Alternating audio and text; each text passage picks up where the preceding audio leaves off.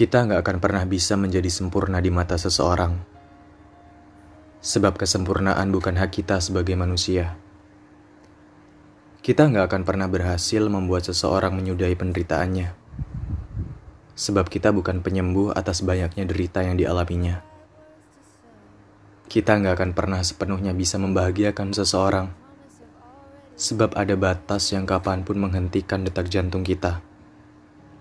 Kita bukan penjamin masa depan seseorang, sebab kita bisa berhenti bernafas kapan saja. Saya selalu percaya bahwa nggak akan pernah hidup di masa lalu seseorang yang saya pilih. Saya berhasil menemukan kedamaian di sudut matanya. Tapi, ternyata saya nggak bisa menjamin seseorang itu mendapat kedamaiannya bersama saya. Sebab yang saya hadapi adalah masa lalunya. Saya pikir seseorang itu akan baik-baik saja bersama saya.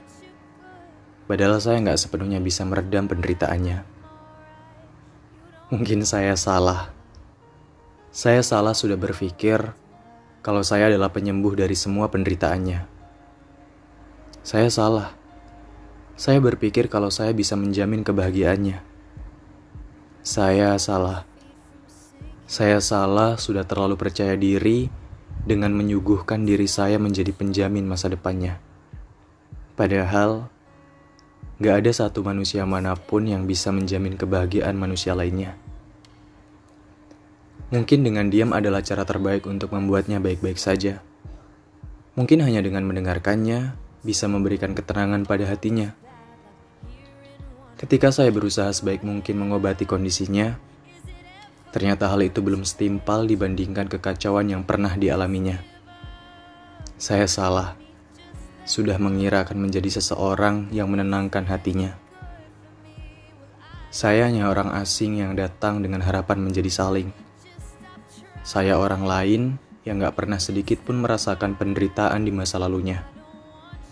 Saya, saya hanya punya bekal kesabaran dan kerelaan untuk hanyut di dalam kekalutan yang seseorang itu rasakan. Saya siapkan telinga saya, menyiapkan hati saya, menyiapkan waktu agar setidaknya seseorang itu nggak merasakan penderitaannya seorang diri. Sebenarnya, saya nggak bisa memastikan sikap mana yang terbaik untuk meredakan penderitaan yang seseorang itu rasakan.